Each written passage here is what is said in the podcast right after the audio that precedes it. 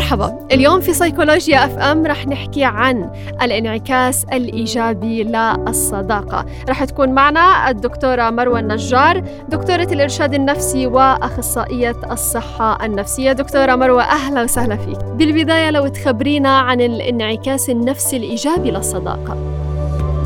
الصداقة قيمة إنسانية رائعة آه، فكل إنسان بحاجة لأن يكون له آه، صديق ويكون صديق.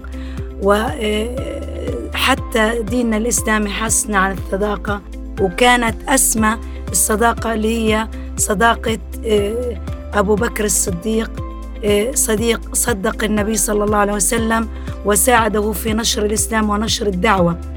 فبالتالي في تأثيرات وفوائد جمة للصداقة بحيث أن الصداقة تساعد الفرد منا على تقدير ذاته وعلى ثقته بنفسه.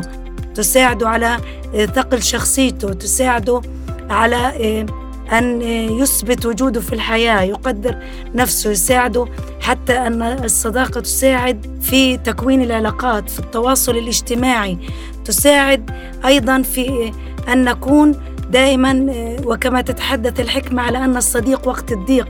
بمعنى لو الصديق وقع في في أزمات كأزمات فقدان العزيز أزمات الطلاق أزمات المرض الخطير يحتاج إلى مساعدة وإلى دعم صديقي.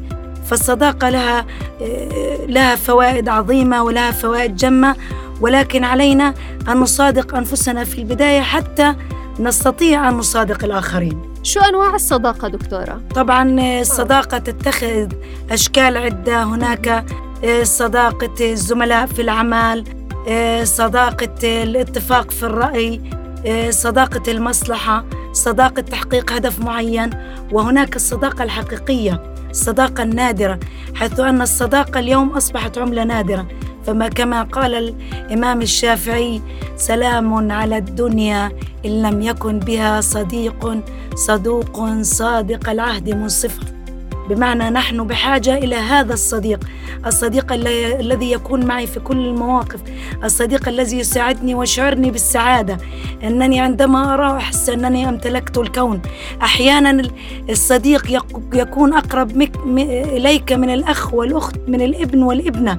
فكلما اقترب منك الصديق وكان صديق مخلصا وفيا فأنت امتلكت الدنيا وما فيها.